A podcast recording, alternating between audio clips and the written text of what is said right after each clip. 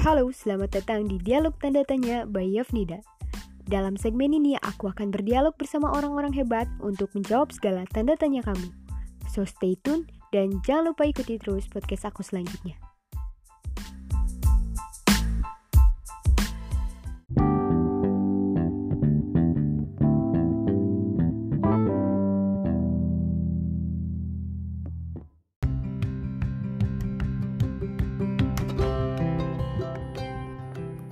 Assalamualaikum warahmatullahi wabarakatuh. Eh, Teman-teman semua, sekarang saya sudah bersama dengan Kepala Bidang Pariwisata dan Kebudayaan Purwakarta, Bapak Acep Yuli Mulia. Assalamualaikum Pak. Waalaikumsalam Eh, Untuk tema yang kali ini yang akan saya bahas mengenai peran stakeholder dalam pengembangan desa wisata nih Pak. Eh, apalagi sektor pariwisata ini merupakan sektor yang paling krusial ya Pak, menjadi daya tarik wisatawan terhadap eh, kunjungan ke Purwakarta ini khususnya ya Pak. Saya ingin bertanya nih Pak, sebelum kita masuk ke peran stakeholder, saya ingin eh, Bapak menjelaskan terlebih dahulu kepada para pendengar sekalian eh, apa sih gambaran-gambaran mengenai desa wisata ini? Dan boleh diperkenalkan juga Pak apa saja desa-desa wisata yang menjadi tujuan destinasi wisatawan yang berkunjung ke daerah Purwakarta ini Pak? Boleh dijelaskan Pak? Baik, eh, teman-teman semuanya, perkenalkan nama saya Cipuli Mulia. Saya sehari-hari sebagai Kepala Bidang Pariwisata di Dinas Kepemudaan Olahraga Pusat Kebudayaan Purwakarta. Bicara mengenai desa wisata, memang desa wisata eh, bukan hal yang baru sebetulnya di Kabupaten Purwakarta dan di Kabupaten Purwakarta pun kita masih mendorong bagaimana terwujudnya desa wisata di semua kecamatan yang ada di Kabupaten Purwakarta. Kita akui dari sudah lama untuk desa wisata itu yang bisa dianggap eh, sudah berjalan itu masih di eh, Desa Pasanggerahan Kampung Ganjur Kecamatan Bojong. Tapi untuk eh, kita berus- terus berusaha bagaimana caranya desa yang ada di Kabupaten Purwakarta itu yang memiliki berbagai macam potensi bisa didorong menjadi sebuah eh, daya tarik destinasi wisata dan bermanfaat masyarakat sekitar. Di Kabupaten Purwakarta ini juga kita sedang merancang seperti yang tadi saya sampaikan sedang merancang ketika ada sebuah destinasi di sebuah eh, wilayah harus bermanfaat seluruh masyarakat yang ada di sekitar. Selanjutnya kita sedang merancang itu di Desa Pasanggerahan dan Sukamulya. Eh, karena untuk membuat ataupun membentuk sebuah desa wisata itu tidak semudah membalikan telapak tangan Iya, karena desa wisata itu harus eh, didukung oleh semua eh, stakeholder stakeholder yang ada di lingkungan sekitar. Karena pemerintah sesuai dengan fungsinya hanya bisa memberikan sebuah memfasilitasi, memotivasi dan buat sebuah rancangan regulasi untuk terwujudnya sebuah desa wisata. Karena eh, desa wisata itu harus muncul dari jiwa masyarakatnya. Karena ketika ada sebuah destinasi di sebuah wilayah itu harus bermanfaat untuk masyarakat. Nah masyarakatnya itu jangan hanya menjadi sebagai se- penonton saja. Untuk itu kita harus merubah mindset masyarakat yang ada di sekitar sebuah destinasi wisata supaya bisa ada sirkular ekonomi lah. Ada sirkular ekonomi bisa berdampak luas memiliki benefit untuk masyarakat. Karena kita juga berpatokan bahwa pariwisata di Purwakarta itu pastinya ada sistemnya pentahelix pentahelix itu yaitu masyarakatnya pemerintahnya swastanya akademisinya dan eh, ya masyarakat itu sendiri harus bisa apa namanya sinergi dalam mewujudkan sebuah desa wisata. Itu mungkin gambaran-gambaran desa wisata dan harapan ke depan di sedang kita rancang.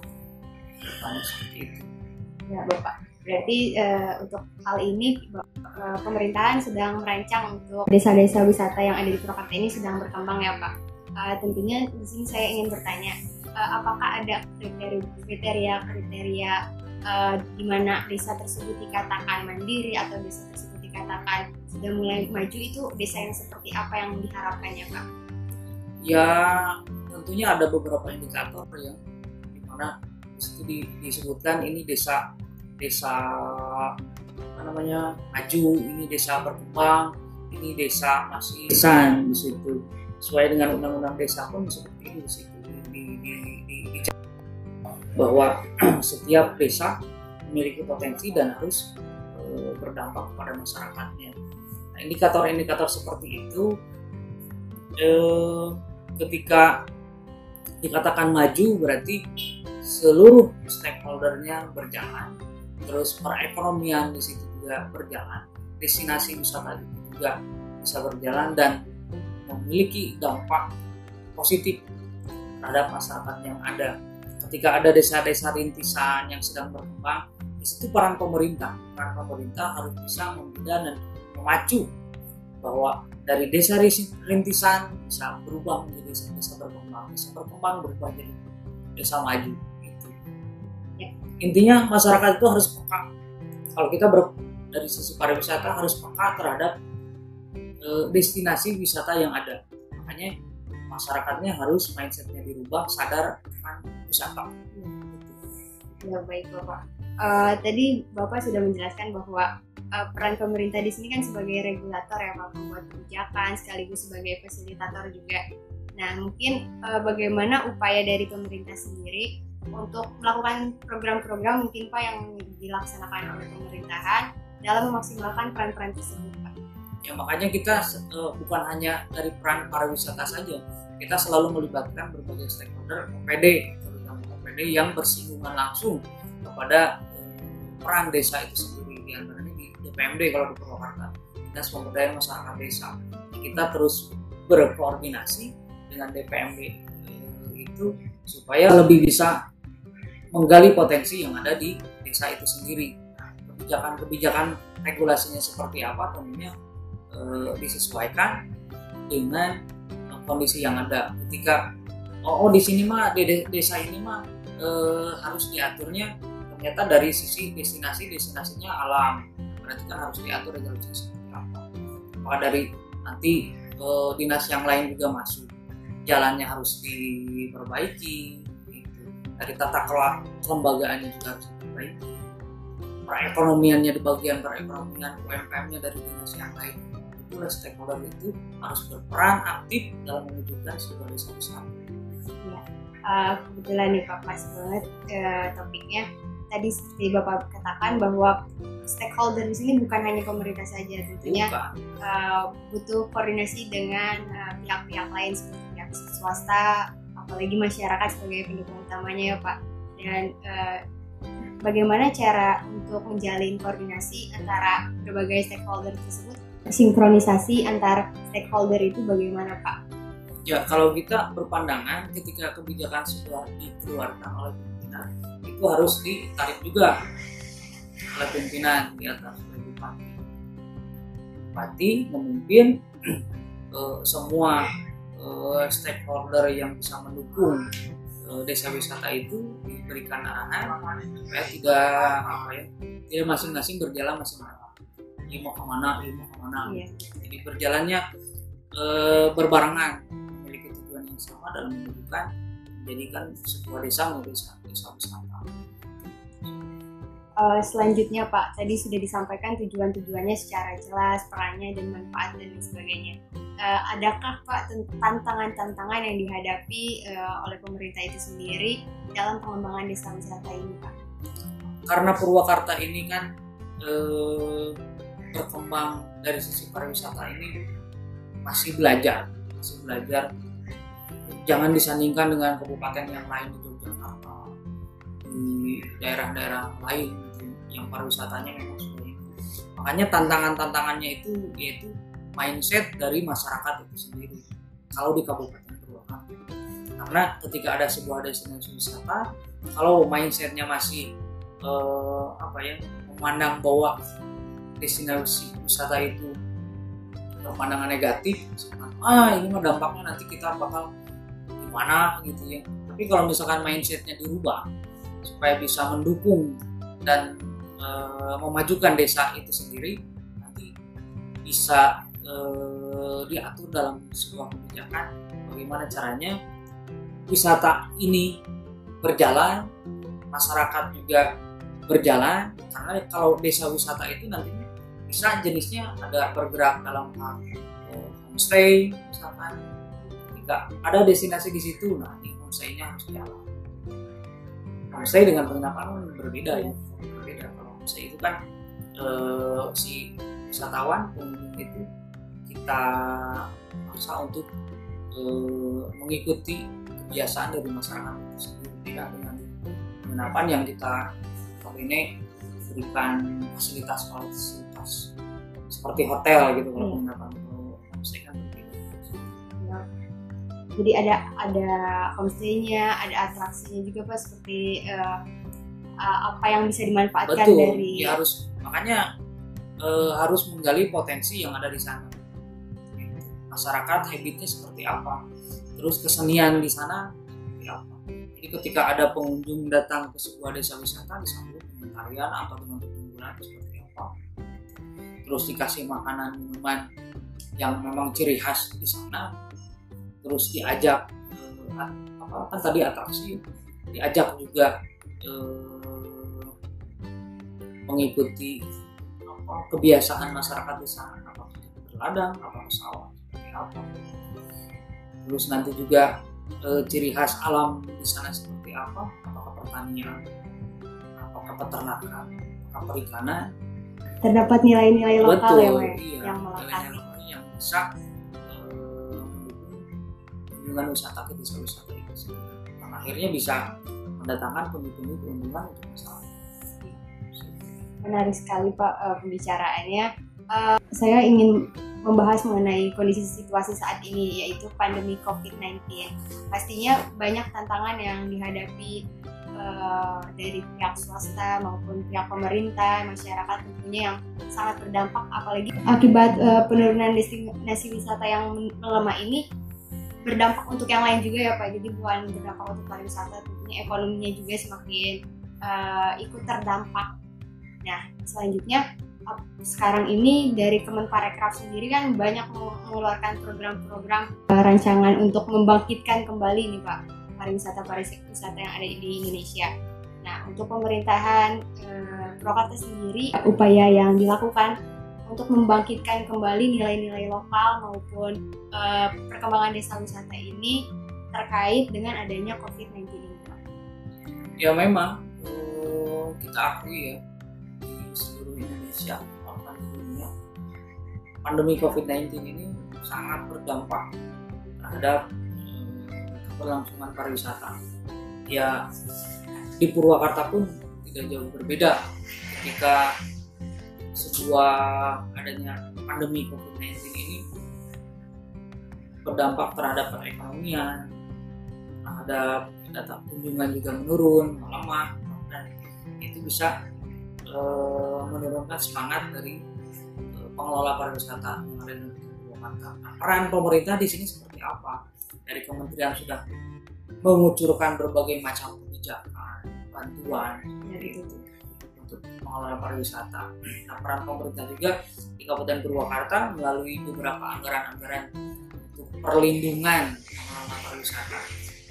Ya diturunkan bantuan untuk menambah eh, ya satu pembinaan, yang kedua eh, pemberian apa namanya kebutuhan-kebutuhan yang yang disesuaikan dengan eh, destinasi wisata yang diperlukan. Karena bukan hanya pengelola pariwisata saja tapi dengan adanya dampak pandemi ini ternyata bisa menimbulkan bisa menghidupkan berbagai macam dari sisi ekonomi kreatifnya gitu, di, di, di ekonomi kreatifnya. Makanya ketika masyarakat sudah mulai bergerak di ekonomi kreatif nah di situ negara harus hadir. Bagaimana caranya ketika masyarakat eh, misalkan dalam eh, apa sekarang itu kopi kayak gitu nah kita kasih bantuan dalam hal dalam hal baristanya seperti apa pelatihan homestaynya seperti mudah-mudahan ketika pandemi ini berakhir ya masyarakat pengelola pariwisata pun bisa lebih fresh lagi dengan berbagai macam bantuan yang digulirkan oleh pemerintah pusat maupun daerah. Situ sih. Dan juga tentunya memperketat protokol kesehatan. Nah, kalau bicara juga mengenai pandemi COVID-19 ini diperlukan sebuah kekompakan antara pemerintah dan pengelola pariwisata. Ketika kita mengeluarkan sebuah kebijakan di edaran di Kabupaten Purwakarta itu kan pengelola pariwisata itu tutup satu minggu. Nah, di situ kan kita harus eh, mematuhi tidak hanya eh, mengutamakan ego masing-masing pengelola pariwisata di situ karena di pandemi ini kan diperlukan kedisiplinan ketika orang sudah tidak disiplin dalam 3M itu pesan ibu itu ya otomatis nanti ke depannya sangat susah untuk eh, melihat berakhirnya pandemi COVID-19 itu begitu butuh kerjasama yang solid ya Betul. Pak antara stakeholder maupun masyarakat itu sendiri. betul sinergi antara peran pengelola pariwisata dengan pemerintah daerah dinas di sini dan OPD-OPD yang lain dalam memerangi COVID-19 di kita di Purwakarta. Oke baik Pak. Untuk selanjutnya Pak, eh, tadi Bapak selalu membahas mengenai mindset masyarakat terhadap desa wisata. Eh, saya ingin lebih tahu lebih lanjut Pak. Eh, Bapak di sini harapannya mindset eh, masyarakat terhadap desa wisata itu bagaimana Pak dan apa harapan Bapak kepada masyarakat-masyarakat yang mengunjungi desa wisata eh, yang ada di Purwakarta Pak? Ya, tadi saya membahas mindset itu ya bukan hanya sekedar retorika saja, kita juga pernah mengalami bagaimana ternyata di lapangan itu ketika ada sebuah destinasi wisata gitu, mindset masyarakat di Kabupaten Purwakarta eh, masih contoh ini mencontoh. Ada di sebuah wilayah ada destinasi A tapi masyarakat di sana ternyata ngutip di jalan ngutip lagi ngutip lagi. Berbagai macam organisasi di desa itu ngutip tiketnya ngutip tiketnya kan itu bisa menjadi eh, apa ya menimbulkan sebuah eh, apa ya kerugian itu makanya mindsetnya harus dirubah gitu. ketika ada sebuah destinasi wisata bagaimana caranya destinasi wisata yang ada di sebuah wilayah bisa bekerja sama dengan masyarakat di sana gitu. bagaimana kerjasamanya ya atau itu gitu ngilu-ngilu dagang atau didinya gitu. Terus yang atau meresan jalan tong di herinan atau anu Iya, da- yang datang ke sebuah tempat wisata itu. Harus dibuat nyaman ya. Betul harus dibuat nyaman. Ketika kan dulu itu ilmu pariwisata dulu itu kan ada tiga potensi waktu apalagi itu tuh ilmu dulu apa yang bisa dilakukan, apa yang bisa dilihat, what to do dulu, waktu sih sama what apa yang kenang-kenangannya apa gitu. ya. Nah, itu kan kenangan-kenangan seperti itu. Nah, itu kan harus harus ditanamkan kepada masyarakat khususnya di Kabupaten Purwakarta. Main mindsetnya harus memang mulai mulai berubah untuk menjadi sebuah eh, apa, baik desa wisata, baik pengelola pariwisata itu harus di, harus dirubah, jangan jadi musuh malah dengan pengelola pariwisata itu. jadi masih banyak oknum-oknum ya ya. Betul, makanya kan kita saya tadi tadi kita sampaikan, saya sampaikan juga bahwa di Kabupaten Purwakarta ini dari sisi pariwisata, khususnya desa wisata, masyarakat juga jangan dibandingkan disandingkan dengan Jogja gitu. Ini sebuah eh, usaha yang yang tidak perlu, yang yang masih memerlukan waktu yang lama gitu. Kecuali kita memerlukan agen perubahan di dalam di sebuah masyarakat itu sendiri ada agen perubahan selain pemerintah gitu. tapi harus ada bakal di sana yang kita bina ketika ada orang di suatu wilayah masyarakat semangat nih gitu. kita panggil kita beri kita bina nanti masukkan ke masyarakat itu kita kasih pelatihan. Konkretnya seperti itu sih kalau di pemerintahan itu. Eh, ke, ke merubah mindset pelatihan sosialisasi diajak ke desa wisata yang lain. Nih di dia mah gening kieu masyarakatnya bisa gitu. Iya. kalau misalkan jajanan itu di harganya berbeda ini mah sama atau kan ketika banyak pengunjung wah orang gencet di harga nama parkir misalkan kan gitu. Tidak sembarangan tapi harus ditata itulah mindset mindset masyarakat yang harus dirubah Eh, kalau tadi harapan-harapan Bapak mengenai masyarakat ya Pak dalam pemaksimalan peran-perannya. Kalau pemaksimalan stakeholder-stakeholder lain bagaimana Pak terkait misalkan perusahaan swasta yang ikut turut serta dalam pengembangan desa wisata ataupun pengusaha-pengusaha lokal yang ada di eh, sana dalam memasarkan produk-produk lokalnya tentunya bagaimana Pak? ya tugas semua perangkat daerah begitu masing-masing. Bukan hanya di pariwisata saja. Bagaimana caranya pihak swasta itu bisa masuk ke sana. Dalam hal apa? Contohnya pihak swasta itu ya ada CSR bisa dimasukkan dalam hal pembangunan sebuah destinasi wisata yang bisa bermanfaat untuk masyarakat. Itu bagaimana caranya ya?